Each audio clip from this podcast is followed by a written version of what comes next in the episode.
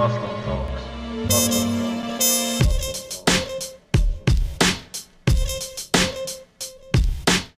Yes, goedemiddag, avond, ochtend, ligt eraan wanneer je luistert naar deze podcast. Ik ben weer back na een hele lange tijd. Welkom bij Aslan Talks. Ehm, vandaag zit ik met een hele leuke gast die ik al heel lang ken. Zijn naam is Pieter Siwabessi. En in Fase en omstreken een bekende jongen, maar mochten de mensen hem niet kennen, eh, stel jezelf voor Pieter, welkom. Ja, dankjewel, Eboe. Eh ja, mijn naam is eh, Pieter Sibabessi, eh 28 jaar. Ik woon in. Eh, in mijn dagelijks leven geef ik les op een eh, middelbare school. Het Christelijk Lyceum in Apeldoorn. Geef ik het vak geschiedenis, maatschappijleer. En eh, ja, dat doe ik met heel veel liefde, plezier. Leuk man, leuk. Ja. En ik zei net al, ehm, trouwens jongens, ik ben aan het vasten, dus ik heb een beetje een droge mond. Af en toe hoor je dat doen. Dus dat hoort er even bij. Maar eh, ik zei net ook van, we kennen elkaar al best lang. Ehm, hoe lang kennen we elkaar eigenlijk? Jeetje, nou, ik denk dat we elkaar al eh, sinds de basisschool kennen. Jawel hè? Via Meffy. Ja, Meffy hè? Welke, eh shout-out naar Meffy. Welke, hoe heet die straat? De, de ja, ja, hè? oh, de Sperwestraat. Daar woonde Meffy en ik ging dan altijd met Meffy voetballen eh, voor die straat, zeg maar. Ja, ja, en jij was dan de buurjongen.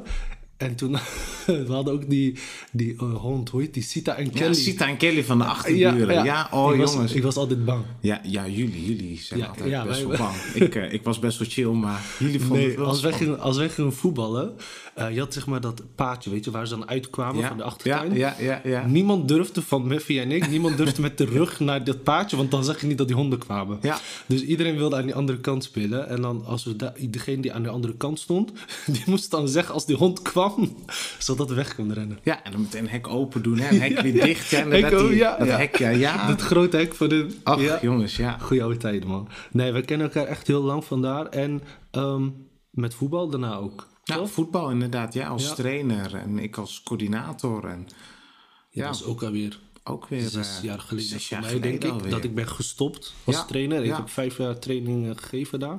Ja. Dus eh, wij gaan way back. En eh, vandaag gaat het ook over way back. Het gaat over eh, way back eh, eigenlijk de afkomst van jou, zeg maar. En, en de achtergrond. Daar gaan we vandaag over hebben. Jullie zien het natuurlijk in de titel. Maar goed, ik moet het ook even inluiden in het gesprek.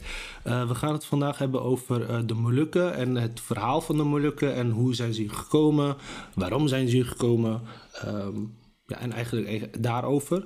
Ehm, want je hebt ook ehm, een soort, ja, hoe moet ik het noemen, een, een lezing eh, gegeven over eh, dit onderwerp. Ja, Kan je daar wat over vertellen? Wat voor, waar heb je dat gedaan en hoe is dat ontstaan? Ja, ik geef, eh, op dit moment geef ik lezingen bij verschillende verenigingen, organisaties, maar ook bij de bibliotheek. Ja. Geef ik dus een lezing over de Molukse geschiedenis. Ja, en dat is eigenlijk best wel heel gek gelopen, want het was eigenlijk nooit de bedoeling geweest om een Oh, lezing te geven. Eh, ik vind sowieso wel, eh nou, Molukse geschiedenis is heel erg onderbelicht. Heel veel mensen weten er toch vrij weinig van. Ja, ja. En toen dacht ik van, toen werkte ik ook nog niet fulltime op het Mhm. Christelijk Lyceum. Toen dacht ik van, goh, laat ik eens gastlessen geven op scholen. ja. En mijn eerste school eh, waar ik gastles op gaf was de, eh even kijken, de Zonnebloem volgens mij in Deventer. Bij eh, Dimitri. Bij eh, Dimitri. in de klas, Ja, toch? ja, En Dat kwam op het nieuws. Meester ja, Dimitri. meester Dimitri. Ja, klopt, gaf ik gastles. En TV Gelderland pikte dat ook op. Ja. En zij waren ook eh, bij mijn eerste gastles aanwezig. Hebben ze ook gefilmd. En eh, ja, ook heel tof. En Ja. toen eh, was mijn wens om eigenlijk verder weer gastlessen te verzorgen. Maar dat eh, lukte helaas niet omdat ik dan fulltime werkte. Maar Ja, dat veranderde ja, dan meer in lezingen, gewoon aan organisaties, mensen, Ja. et cetera. Ja, ja.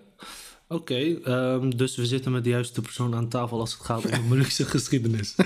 Ik denk het, ik denk het. Ja. Laten we gewoon heel erg basic beginnen. Ehm, de Molukken. Wat, wat, dat is een eiland. Of Ja. wat, eh, vertel, Ja. wat is het? Ja, eh, de Molukken is een eiland. Er is nu op dit moment een eh, eilandengroep in Indonesië. Dus het is niet een aparte staat. Ze hebben ook geen zelfstandigheid. Nou, en daar zit het nou juist mee. Ja. Want dat weten heel veel mensen niet hoe dat nou in elkaar zit. Ja, want je hoort, ik denk dat de mensen wel horen over RMS, Ja. over dat. en, en dat heeft dus te maken met die eh, onafhankelijkheid. Ja. Dat ze daarvoor strijden, Ja, zeg maar. klopt ja. En de RMS staat voor Republiek Maluku Selatan. Mhm. Dus eh, nou, je hoort het, hè? het is inderdaad een zelfstandige staat. Eh, maar dat zit natuurlijk ingewikkeld. Ja. Eh, dat heeft dus ook te maken, hè? ik kan echt over alles gaan vertellen, maar ik probeer wel to the point te Ja, ja, blijven. ja. Mocht je afdwalen, ik stel een vraag, dus doe, ga, lekker, ga je verhaal af en dan eh, ik stuur wel als het moet. Ja, nee, dus het- als je echt kijkt, hè, Molukkers kennen al een lange geschiedenis. Toen eh, in Nederlands-Indië, dus Mhm. Het voormalig Indonesië, een kolonie was. Ehm, nou goed, toen vochten de Molukkers aan de zijde van Nederland. Dus ook om een kolonie te bewaken eh, in het zogenaamde knielleger. Ja, ja, ja. Heel goed. Koninklijk Nederlands-Indisch leger. Ja, exact. Ben ik geslaagd? Ja, ja, je bent geslaagd. Voor mij krijg je een acht. Ja. Nee, dus in dat leger vochten de Molukkers. En Molukkers waren gewoon een, eigenlijk een eh, gevreesde soldaten. Ze vochten heel goed. Ze waren loyaal, ze waren heel dapper. En omdat ze zo lang ook met de Nederlanders vochten, namen ze ook gebruiken over.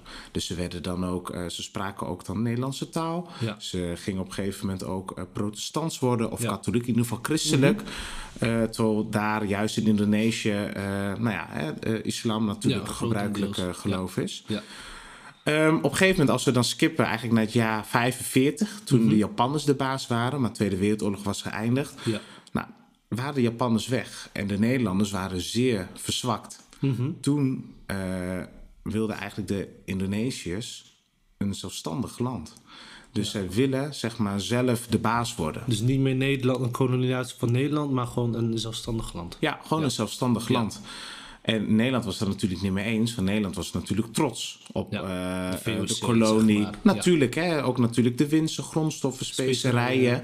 Ja. Dus Nederland stuurde weer heel veel soldaten die kant op, Mhm. eh, naar de eh, kolonie. En ze gingen vechten tegen de Indonesische nationalisten onder leiding van Sukarno. Kijk je naar de rol van de Molukkers, de Molukkers die kozen natuurlijk de kant van de Nederlanders. Mhm. Ja.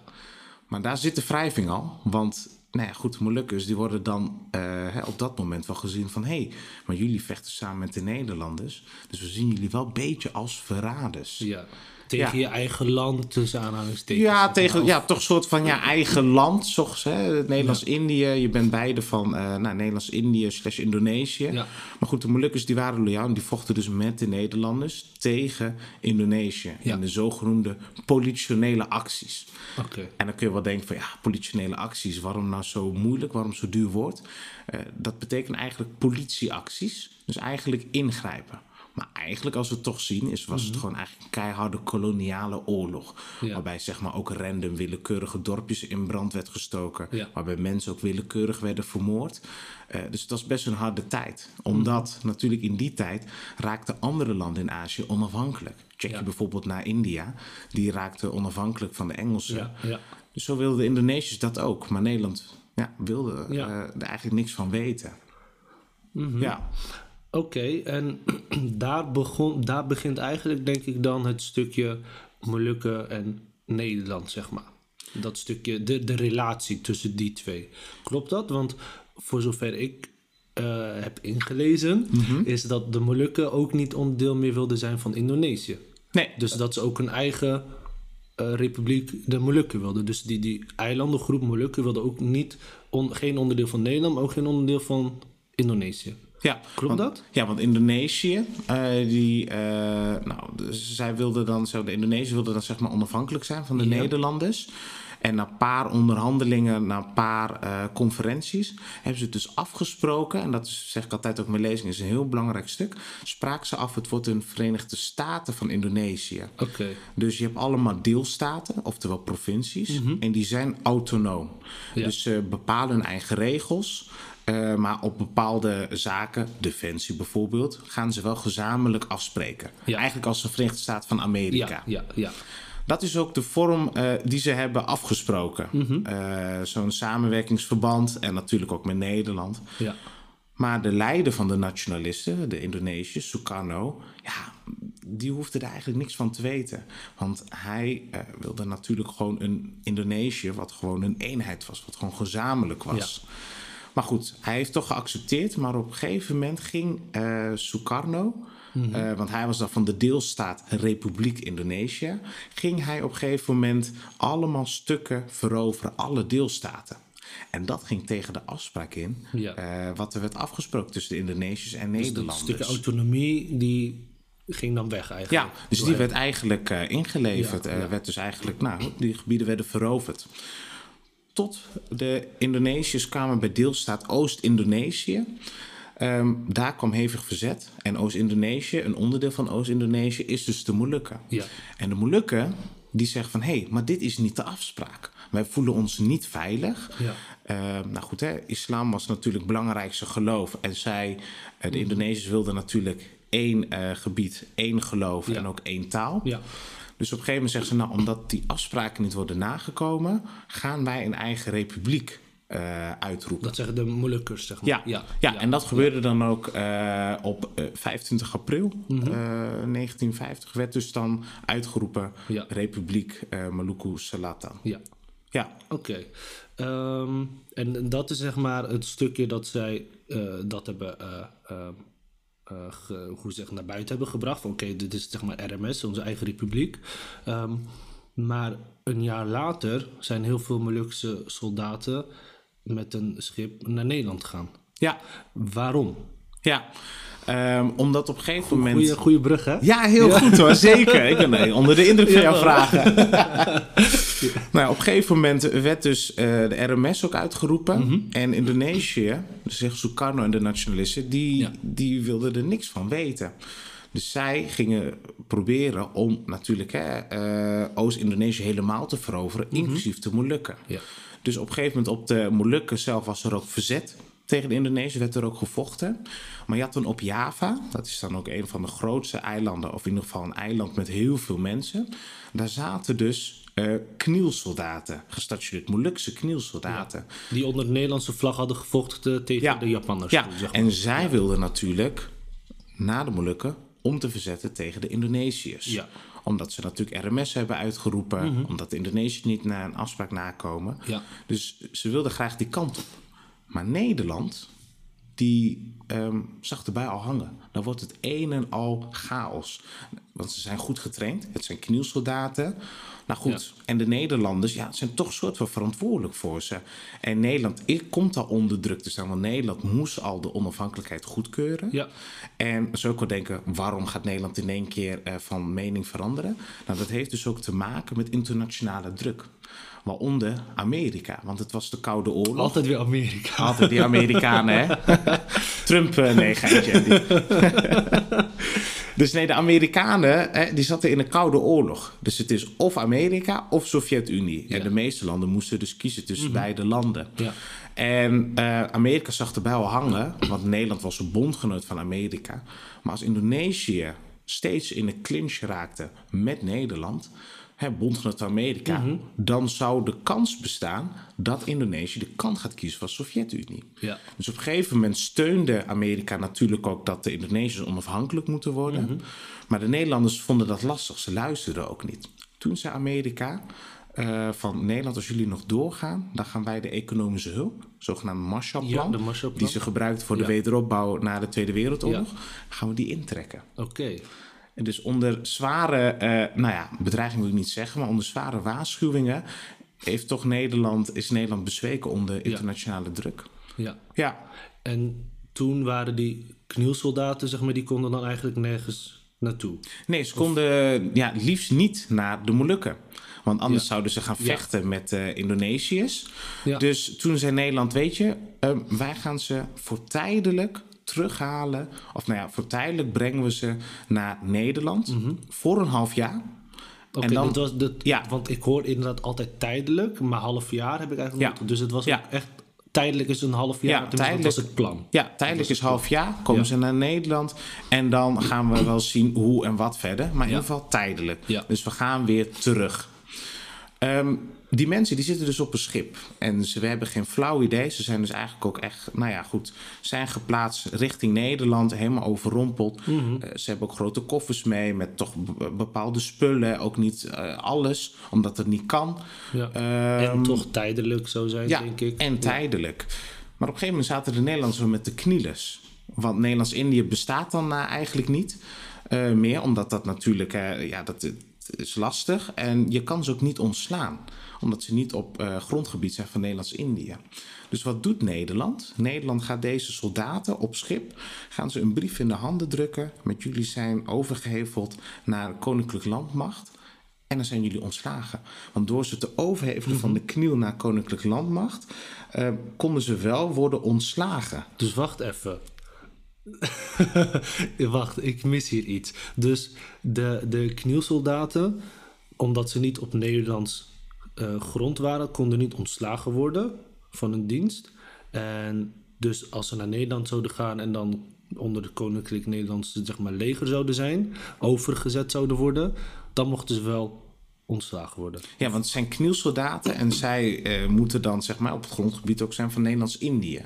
Eh, Ja. En daar konden ze niet ontslagen worden. En dat was lastig. Dus toen dacht de Nederlandse regering en de Nederlandse staat van... hé, hey, laten we deze mensen eh, Mhm. overbrengen eh, qua functie naar Koninklijk Landmacht. Dat ze daarvoor werken. Ja.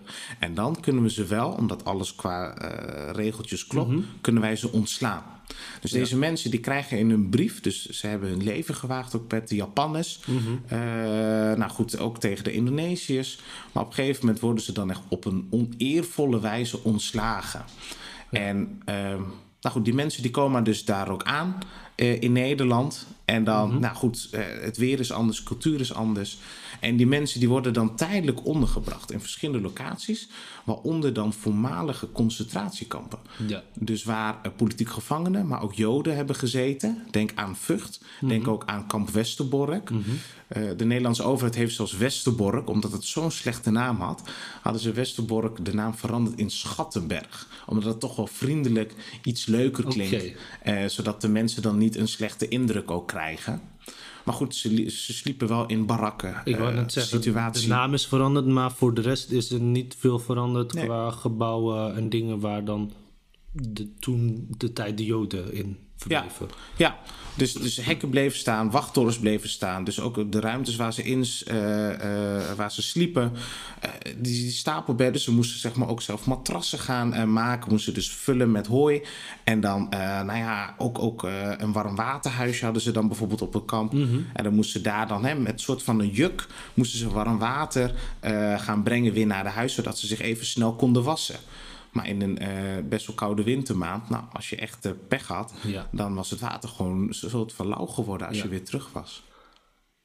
Dat gebeurt in Nederland. Dat- in een land is- waarvan wij denken welvarend en goed en groot en eh, machtig, hè, gewoon economisch gewoon prima, worden dus in theorie hun eigen soldaten van Nederlands-Indisch gebied worden dan gebracht naar Nederland. Ja, Die worden dan ontslagen. En ontslagen moet ik ook zien als ontslagen als in je werkt ergens en dan word je ontslagen van je bent niet meer in dienst.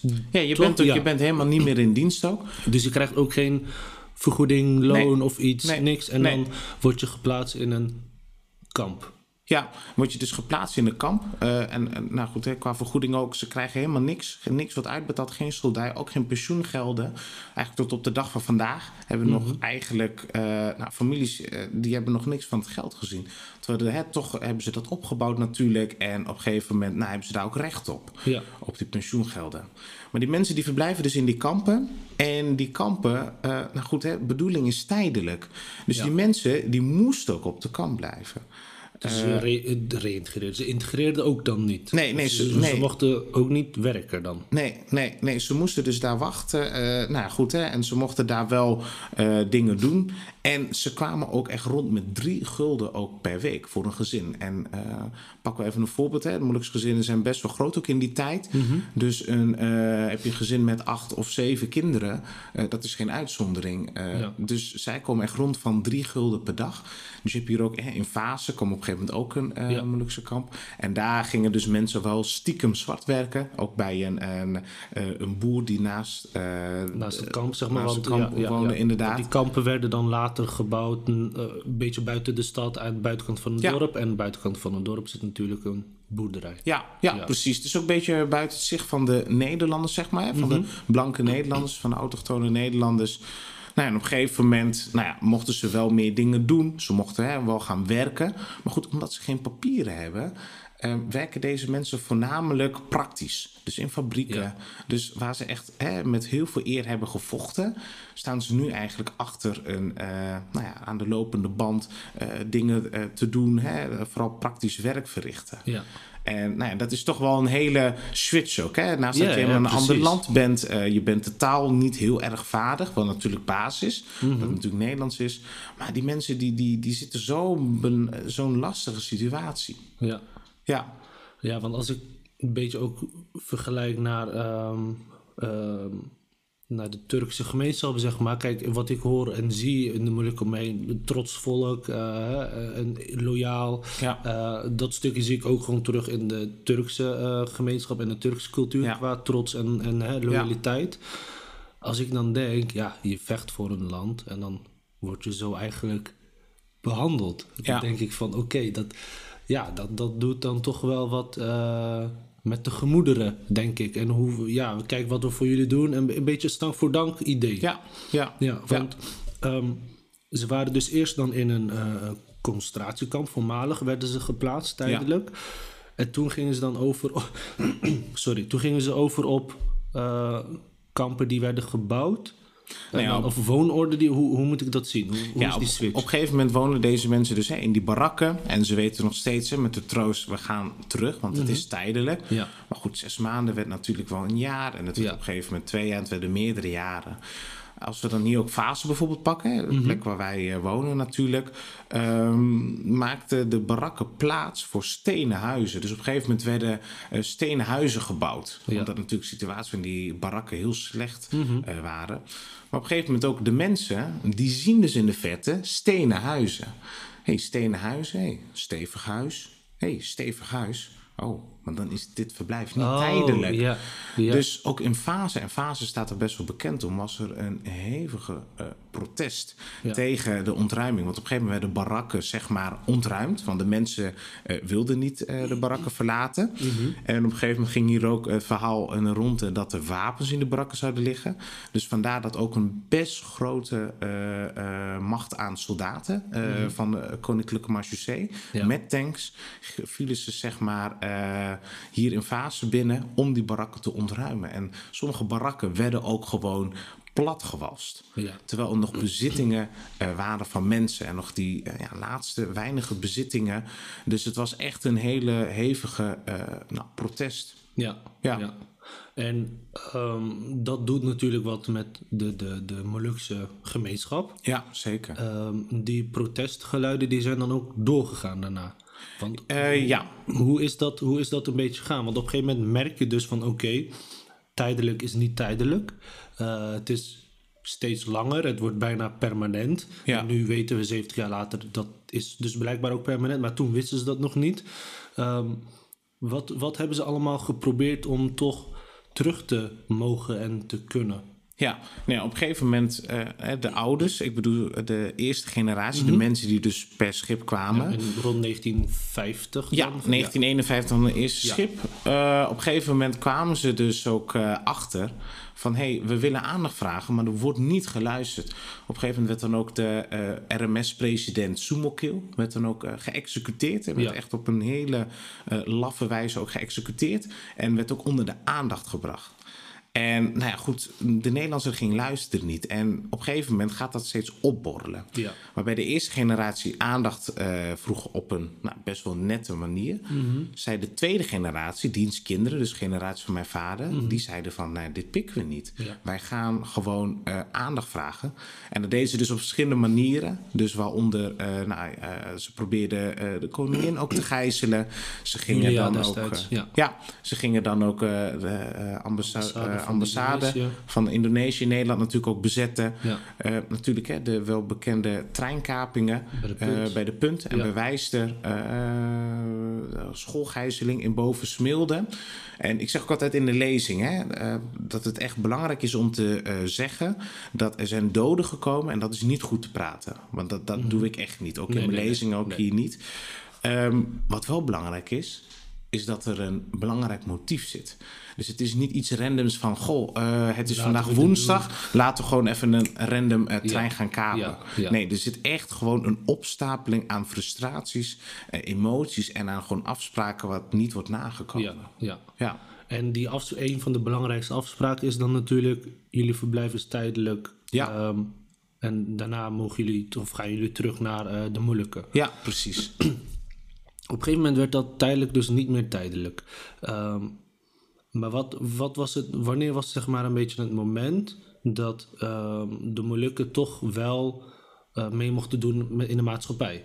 Dus in het, vooral in het begin eh, moesten ze echt op die kampen blijven, want je was tijdelijk, dus je hoeft ook niet te werken, je hoeft het ook niet te integreren, want je gaat toch terug.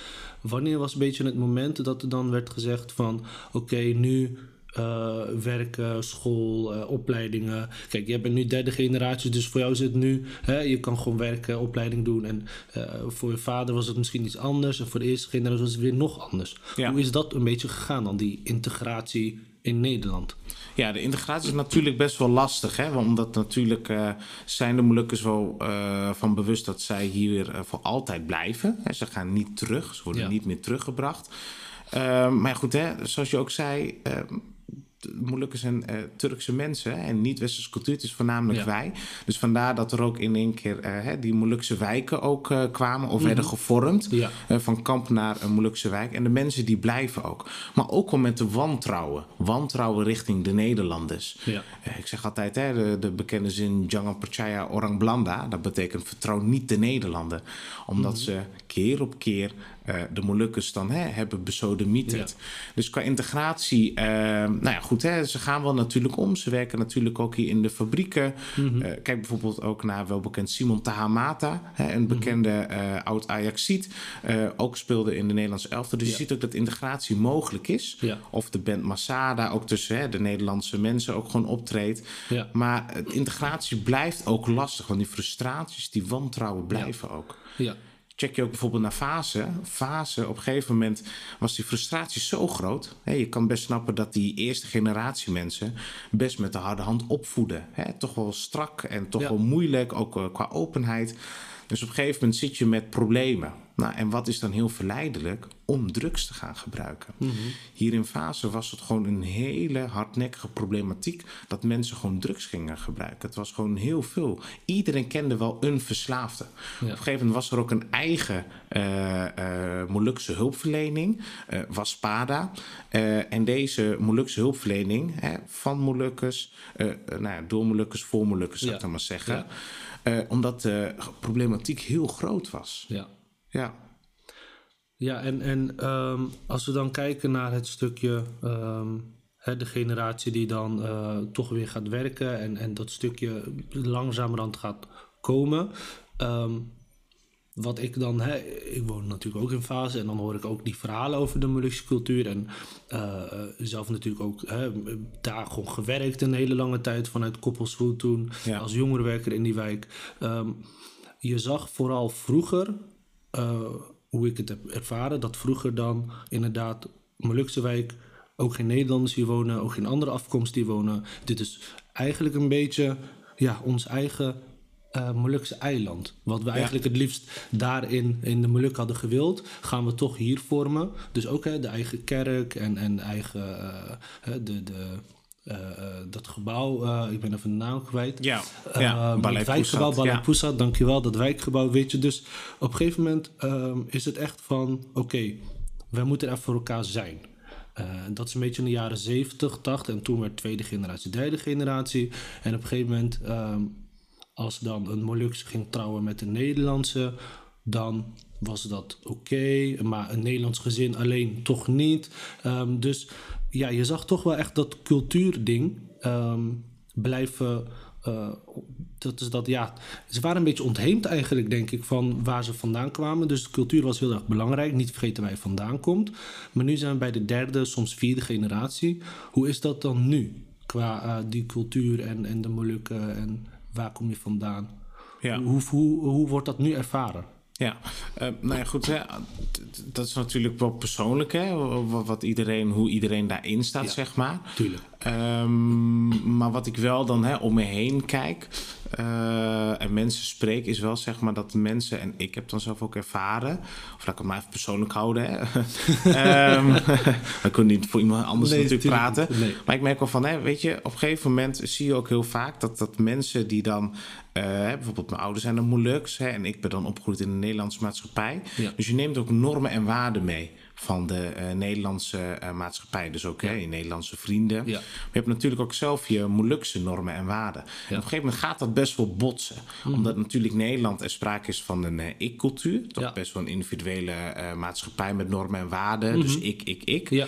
Ehm, en kijk je toch naar, hè, kan ik ook naar jou kijken, ook de samenleving. Wij-cultuur is toch wij, normen en waarden. We zijn best wel traditioneel. En dat botst wel. Mhm. Ja. En, en dat is toch wel best wel lastig. Eh, maar goed, je merkt wel dat er wel, eh, wel echt interesse is. Ook in de Molukse geschiedenis. Ja. Ook gewoon de, de, de normen en waarden. Je ziet ook qua RMS-ideaal dat je dan ook wel... eh, volgens mij had ik dat laatst gezien op NOS ook... dat er toch wel een soort van opleving is van RMS-ideaal. Gewoon dat je bewust bent van je eigen cultuur. Waar komen je roots vandaan? Ja. Ja. dat het heel erg leeft. Ja, want ehm, jaarlijks is ook dan, hè, vooral in fasen, best wel groot. Hè, de, de wandeling voor de RMS. ehm, eh, dat dan de Molukken dan met z'n allen eh, een wandeling gaan doen. Waar, waar is dat dan voor, dat jaarlijks... eh, Oh, die wandeling. Oh nee, Ja. ja. jaarlijks hebben we dan niet de wandeling, maar dan hebben we inderdaad de RMS-herdenking op 25 april. Ehm, dan staan we natuurlijk stil hè, op, op dat eh, de RMS werd uitgeroepen. Ja. Eh, wordt dan ook de vlag gehezen, wordt Ja. dan ook dan volkslied gezongen. Staan we daarbij eh, stil. Natuurlijk ook hè, wordt de RMS-vlag ook uitgehangen Ja. eh, bij andere momenten. Ehm, nou ja, goed, en in het verleden kwamen we dus ook altijd bij elkaar. Of nou goed, konden bij elkaar komen eh, in Orfhuis. Daar werd dan een grote RMS-dag georganiseerd door de regering in ballingschap. Want we kennen nog steeds een regering, maar dan in ballingschap natuurlijk. ja. Dus we hebben wel een minister-president, een minister van, eh, nou goed, van verschillende posten. En dan wordt wel altijd stilgestaan, worden zaken besproken. Ja. Eh, dat zo. Nou, en goed, laatst eh, was inderdaad ook hè, de wandeling Mhm. eh, georganiseerd. eh, kreeg ook landelijke aandacht. Eh, initiatiefnemer Jeff Tapatikawa deed dat ook. Nou, het was echt heel gaaf om te zien ook. En dat ook de burgemeester meeliep. En dat betekende ook best wel veel voor die mensen. Ja. Hè, omdat er steeds wantrouwen is naar de Nederlanders. Ook de Mhm. overheid, hè, lokale overheid. Maar toch dat zo'n burgemeester meewandelde, eh nou, toont toch van verbroedering, ook van respect. Ja. En als je ook kijkt naar Epe, hè, want ja, qua, uit- vanuit landelijk horen we niks. Er zijn wel signalen dat eh, Rutte inderdaad iets wil gaan doen qua excuses. Want dan is het wel nog eh, goed om af te vragen, ja, waarom excuses? Eh, wat wil je doen? Wat zit er concreet aan? Ja, ja, Blijft het bij woorden of daden? Als we kijken naar Epe, heeft dus de gemeenteraad eigenlijk ervoor gezorgd ehm, dat er eeuwig grafrecht komt. En wat is eeuwig grafrecht? Dat betekent dus dat eh, de knielsoldaten die hier liggen begraven, Mhm. nou goed, die nabestaan, die moeten wel steeds betalen. Maar deze mensen die zijn wel echt ongewild naar Nederland gekomen. Dus nu betaalt de gemeente de grafkosten. Oké. Dus eeuwig grafrecht. Ja. eh, eeuwig grafrecht bestaat niet. Dus wel om de zoveel jaar wordt het steeds automatisch Ja. verlengd. Ja. Nou, en dat betekent veel voor Ja. deze mensen. Hè. Het wordt in ere gehouden. Waarschijnlijk komt er misschien een gedenkteken. Ja. Eh, maar het krijgt wel speciale status. En dat deed wel eh, heel veel Mhm. bij de mensen hier in Fase en hun eh, familie. Ja. Ja. en, en over ehm, excuses gesproken. De koning had toen wel, koning Willem-Alexander, toen de tijd excuses aangeboden een x aantal jaren later. Ja. Klopt dat? Hoe is, Ehm, wat is dat dan? Niet, eh, ja, niet volledig. Ze, eh, hij bood excuses aan aan eh, de Indonesiërs. Oké. Want Willem-Alexander was natuurlijk ook op bezoek in Indonesië Mhm. met de president. En daar bood hij dan ook zijn excuses aan. En nou ja, zo'n excuses, dat is best wel heel lastig. Want als je kijkt, ik weet nog een fragment, was op RTL Nieuws, was een oud knielsoldaat. Die heeft gevochten. En nu wordt er excuus aangeboden voor zijn daden. Terwijl hij een opdracht heeft gevochten. eh, natuurlijk voor de eh, Nederlanders. Dus nu wordt er gezegd, ja nee, sorry, knielsoldaat, wat zij hebben gedaan, dat kan niet excuus Dus daarvoor. de excuses is dus eh de naar de in- verkeerde kant, soort van. Ja. Ja, Ja. verkeerde kant. Voor de Molukkers eigenlijk Ja. wordt het gezien als ja, eh, jullie moeten ons excuses aanbieden, want wij hebben Ja. gevochten voor Ja. jullie. En wat wij hebben gedaan, daar bied jij nu eh, je excuses aan. Maar wij dan? Ja, precies. Ja, Dat daarom. Dus Molukkers niet. Dus Molukkers hebben niks qua excuses. En het lastige is, hè, 70 jaar na dato, of nu Mhm. ondertussen alweer eh 71 jaar, wordt er gewoon niks over gesproken. Niks. En hè, natuurlijk, eh, vorig jaar kwam wel ook een mooie serie van Koen Verbraak. Ja. Eh, ik wist nog dat ik dan ook eh, hè, samen met mijn vriendin en mijn schoonouders heb gekeken naar een speciale uitzending van NOS over de Molukkers. Mhm. Ja. Nou, dat ontroerde me echt Ja. enorm. Dus ik heb ook echt wel met tranen naar gekeken dat er steeds meer aandacht komt. En dat is wel heel gaaf. Dus nou goed, ik hoop van harte dat dat, hè, dat, dat balletje blijft rollen. Ja. En dat op een gegeven moment wel meer eh, hè, bekendheid, dat het meer belicht wordt. Eh, als je ook kijkt naar mijn geschiedenisboeken. Ja, hè, ik waarbij ik net ook- vra- die, dat bruggetje ook maken naar Ja. jouw lessen. Nou, Hoe bij zit deze dat dan? Hoe zit dat dan? Hey, je, vraag, je stilt mijn vraag. Hoe zit dat dan inderdaad met eh, de geschiedenisboeken Ja, in Nederland? Heel belabberd. Kijk, jij hebt, kijk, ik heb gewoon net als iedereen eh, gewoon geschiedenis gehad. Eh, ik weet dat boek niet meer, maar eh eh Christelijk van meneer Albers. Toen heb ik geschiedenisles gehad. Eh, en dat was gewoon de standaard dingen, weet je wel. Mhm. Ja. Paragraaf 1, hoofdstuk 3, VOC, bla bla bla bla. Ja. Maar jij hebt natuurlijk de opleiding geschiedenis gestudeerd, Ja. zeg maar tot docent. Dus Ja. ik denk dat jij een stukje meer zou leren ehm, dan de gemiddelde brugklasser, zeg maar. Maar wat staat er dan over de Molukken? Nou ja, in die boeken zelf, in die lesmethode, staat er eigenlijk vrij weinig. Ehm, en, en, Molukse ges- eh, over de Molukse geschiedenis staat er maar echt maar. Nou ja, het verschilt eh, per boek. Eh, het meest belabberde is gewoon twee zinnen. Dus bijvoorbeeld hè, in 1951 of in de jaren 50 kwamen Molukkers naar Nederland Ja. vanwege de Ja. eh, van Indonesië. Punt. Dat was het. Dat was het. Dus, dat hele, is de dus de, hele voorgeschiedenis, rol, eh, de acties, eh, de kampen, et cetera, dat wordt niet in vermeld. En dan is het wel heel tof dat een docent wel natuurlijk zelf de vrijheid heeft. Ja, maar goed, precies. dat is ook wel best wel, nou moet je maar net ook tijd voor maken en besteden. Mhm. Maar gewoon dat het überhaupt niet wordt, eh, dat er aandacht wordt besteed in die boeken. Ja, dat vind ik eigenlijk zeer kwalijk. En dat het heel erg onderbelicht. Ja, dus er staat ook niet in over de barakken waar ze in woonden. Nee. eh, over de, Nee. de protesten daarna. Nee. ehm, Nee. eh, de, de, de, de, de, hoe zeg je dat? De, ja, de gijzeling, zeg maar tussen voor Julia, de plan daarvan. eh, de, de punt, de treinkaping. Dat staat dan al niet erin. Nee, nee, helemaal niet. Nee, dus dat heb ik wel dan. Natuurlijk heb ik die vrijheid heb ik wel behandeld. Precies, die, dat heb jij als. Ja. eh, maar goed, dat is per docent verschillend. Ja, Dus ja, een docent X die kan er ook voor kiezen om dat niet te vertellen. ja, ja. Ja, dus inderdaad, maar ik merk wel dan mijn collega's die, die eh, vertellen het wel, in zover ik weet. Want ik heb dan bijvoorbeeld, eh, vorige week had ik toetsen nagekeken voor VWO 5, maatschappijleer. En dan moesten ze dan weten ook de, de verschillende migranten die naar Nederland Oh ja, kwamen. ja. En of ze, met welke motief ze kwamen. En heel veel leerlingen schrijven toch bij Molukkers, zijn dan economische vluchtelingen. vluchtelingen. vluchtelingen. ze zijn hier gekomen. Een collega die maakt natuurlijk de grap. Hè? Ja. Het zijn molukzoekers. Niet gelukzoekers, maar molukzoekers.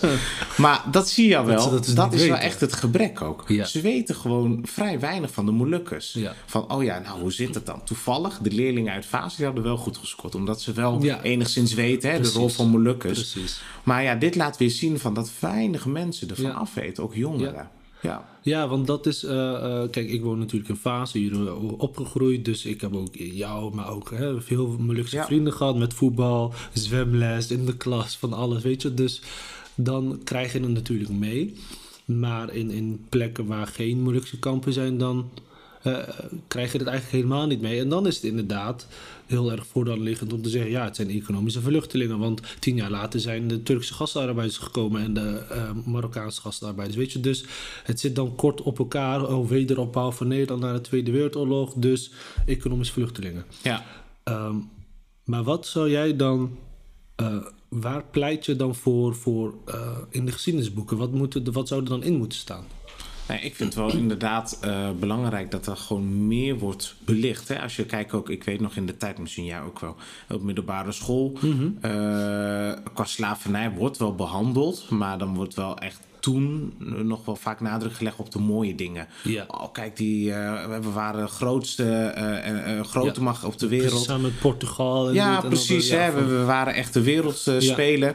En op een gegeven moment nu, als ik nu de methodes bekijk, wordt nu ook, ook nadruk gelegd op de donkere bladzijdes. Dus hè, slavernij, wat voor gevolgen heeft dat, hè, de grote verplaatsingen van de groepen mensen. Dus, nou ja, goed, ik hoop ook dat in plaats van, hè, oh, winst en Nederlands-Indië, maar er mogen ook wel die donkere bladzijdes worden beschreven. Ja. Van eh nou, politionele acties, maar ook zeg maar de Molukkers. Want Mhm. Ja. Molukkers hebben wel zeker bijgedragen ook aan, aan, aan de rijkdom van, eh, van Nederland. Nederland. Ja, zeker.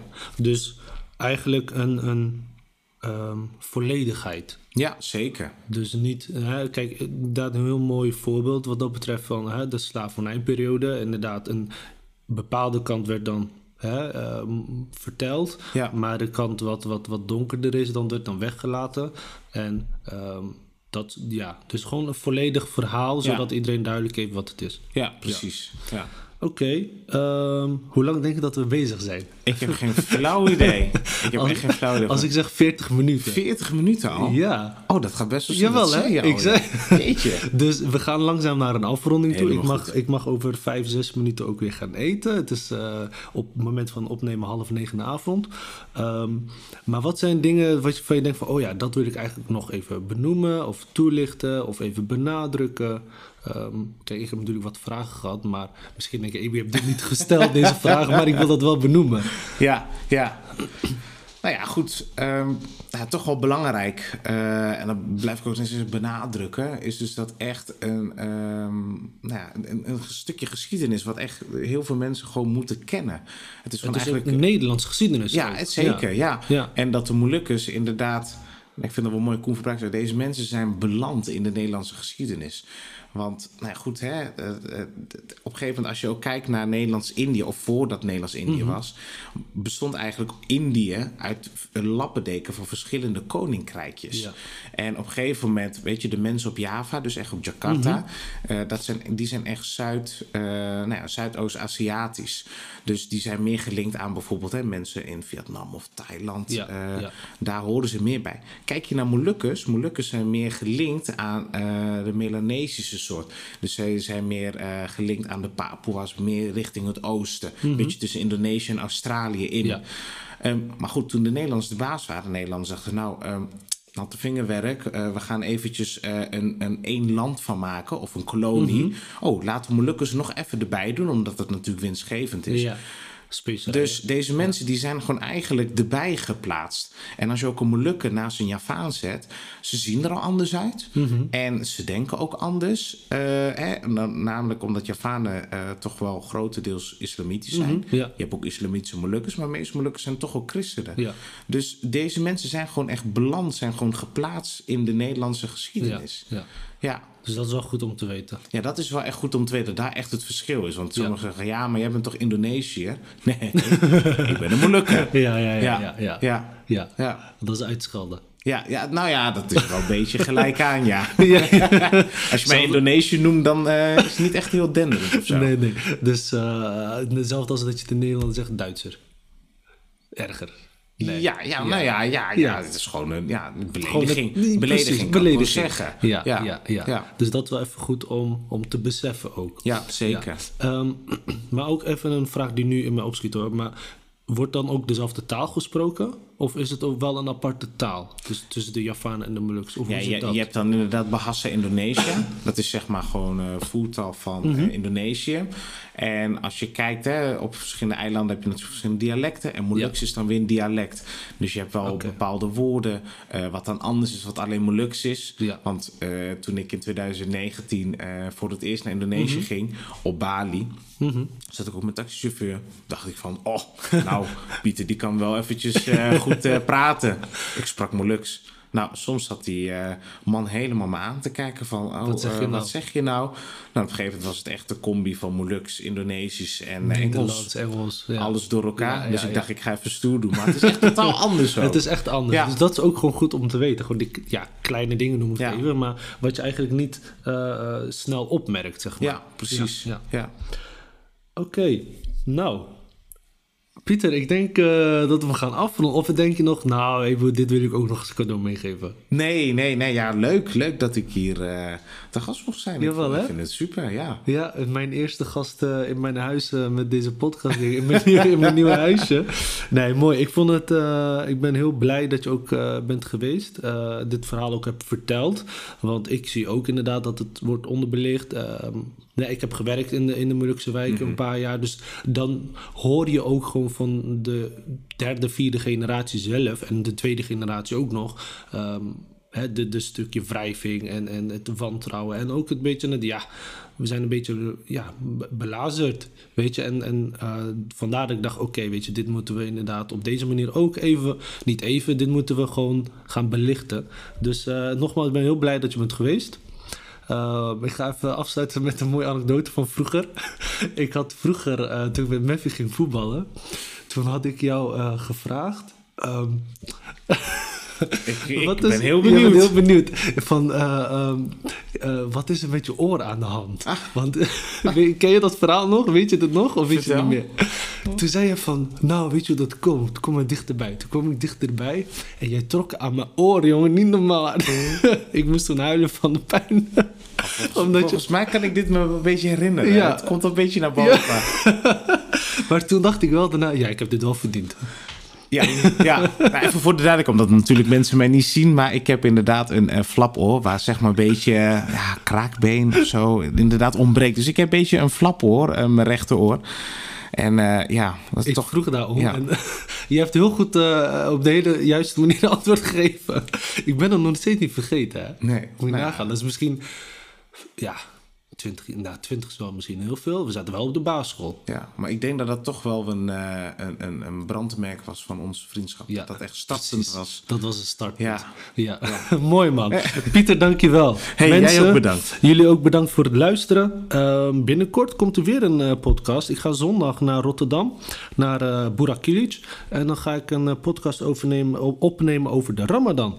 Eh, want we zitten nu natuurlijk midden in de Ramadan. En ik dacht, hey, dat is ook leuk om te doen. Dus eh, volg mij op Insta, Aslan Talks. En eh, check even gewoon... eh, Spotify. En je kan volgens mij Spotify ook gewoon een kanaal volgen. Dus volg ook Aston Talks op Spotify. Mensen, dank jullie wel. Bedankt voor het luisteren. En mocht je nog een onderwerp hebben of een spreker of iets, hit me up. Aston Talks. Dank jullie wel, mensen. Dag, tabé, doei. Hoe zeg je doei in het uh? Amato. Amato.